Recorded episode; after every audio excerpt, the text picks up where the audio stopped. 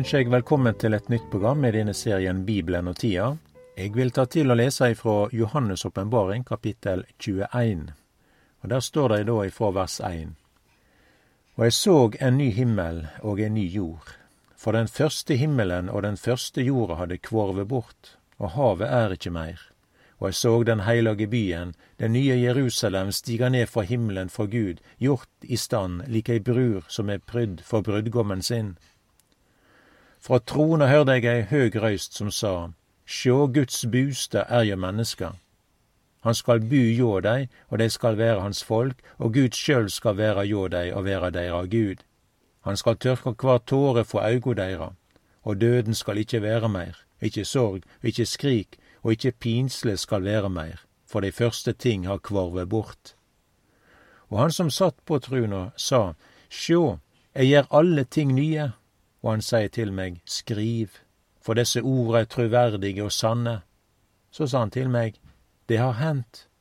Eg er alfa og omega, opphavet og enden. Eg vil gi den tørste å drikke av kjelda med livsens vatn, ufortjent. Den som sigrar, skal erve alle ting. Eg vil være hans Gud, og han skal være min sønn. Og jeg synes det er veldig greit å gjøre seg kjent med de kommende ting. Herren sier også ved profeten, spør meg om det som kjem. Og når vi da leser disse ordene her, så minner det meg litt om det vi leser om i Første Mosebok, kapittel 1. Det er skapelsen, du har de første menneskene i en eh, paradisisk tilstand. Men Adam og Eva var bare skapninger av Gud. Men eh, her eh, Det som gikk gale i første Mosebok 1 og det første paradis der, da, her er alt tatt bort. Det som er årsak til avstand fra Gud, er veke bort. Slangen og djevelen og Satan, det er borte. Derfor er det ikke noe skrik, nød, død, tårer på grunn av sorg eller noe sakn. det er en paradisisk tilstand, en ny himmel og en ny jord. Det gamle er borte, sjå alt har vorte nytt. Og her er ikkje mennesket som en skapning, men de er arvinger, som barn av Gud. Og Gud er ikke bare min Gud, men han er min far. Vi leste òg her at den som sigrer skal arve alle ting. Og her må vi legge til at den som arver, er barnet.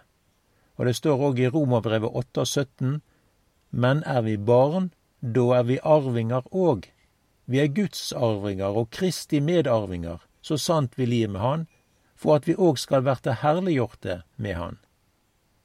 Og vi kan ta med avsnittet fra første Petersbrev 1 der og vers 3. Lova være Gud, vår Herre Jesu Kristi Far, som etter si store miskunn har atterfødt oss til ei levande von, ved Jesu Kristi oppstår fra de døde, til en arv som er uforgjengelig, uflekka, uvisnelig, og som er gøymt for dykk i himlene.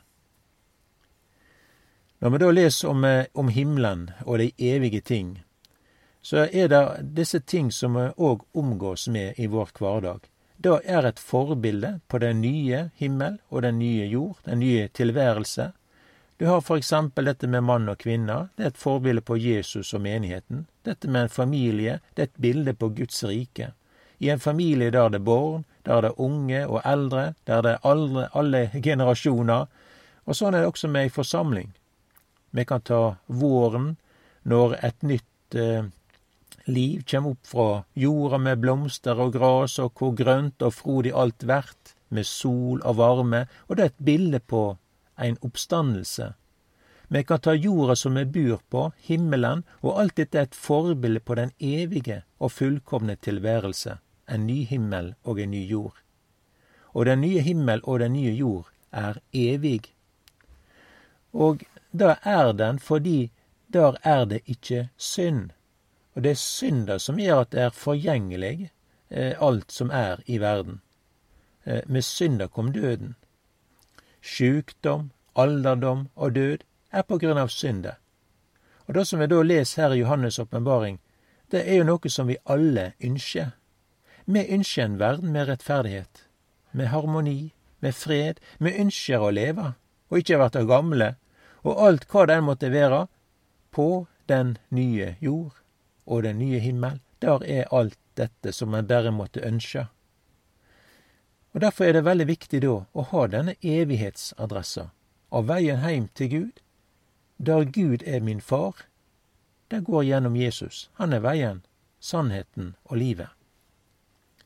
Og i den kommende tida, der, så er vi ikke skapninger av Gud, men vi er barn. Og er vi barn, så er Gud vår far. Og er Gud vår far, så er vi også sønner. Og det leste vi òg i teksten her. Jeg vil være hans Gud, og han skal være min sønn. Og den som er garantien for dette her, det er jo Gud sjøl. Derfor er det å ha med Gud å gjøre, det er noe som en kan rekne med. En blir ikke skuffa når en rekner med Herren, en vert ikke til skamme. Det er også sagt her eh, når Johannes, altså at han må skrive, for disse orda er trøverdige og sanne. Når vi da leser her at det er en ny himmel og en ny jord, så tror jeg det er at det er både rett og at det er nytt. Det er noen som sier da at det er ikke nytt, men det er ei restaurering av denne jorda og himmel som vi bor på, og som vi ser i dag. Det kan kanskje diskuteres, men det står i alle fall her i Åpenbaringen 20 at jorda og himmelen kvarv for åsynet hans, og det ble ikke funnet noen stad for de som da står for den store hvite trone, som er omtalt der. Jesus sier også disse ordene her i Lukas 21 eh, vers 33, der at himmelen og jord skal få gå, men mine ord skal slett ikke få gå. Og det vart òg sagt i profeten Jesajas boke, kapittel 51, der vers 6. Løft auga mot himmelen og sjå på jorda her nede. For himmelen skal kverva som røyk, og jorda skal eldast som et klesplagg. De som bur på henne skal døy lik mygg, men mi frelse skal vare til evig tid, og mi rettferd skal ikkje brytast. Så det er egentlig veldig mange ord som forteller at Gud gir noe helt nytt. Det er en ny skapelse. Gud kan sjølsagt rense det som er her, sånn som han har gjort med alt annet, men det er en ny tid, en ny tilværelse, med et nytt kosmos. Ei anna sak som vi òg kan nevne, som vi òg ser her, det er det med den nye himmel og den nye jord, det er at det har et sentrum, og dette sentrum er det nye Jerusalem. Og Dette ser vi også i dag. Det er akkurat et bilde på, det er et forbilde på de kommende ting.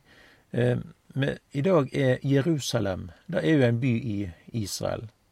Og det er noe som ligger midt på jordet. Det er et midtpunkt gjennom historien. Det er ingen by som har så stor fokus og omtale som nettopp Jerusalem. Det er ingen by der det er skrevet så mange sanger om og vært sønge om som nettopp Jerusalem. Vi leser noe i profeten at eh, Jerusalem skal vært en lovsang på jorda. Og det er jo det det er i dag. Og sånn vil det også vært i mykje større grad i framtida. Men når Gud skapte denne verden, så begynte han med Jerusalem.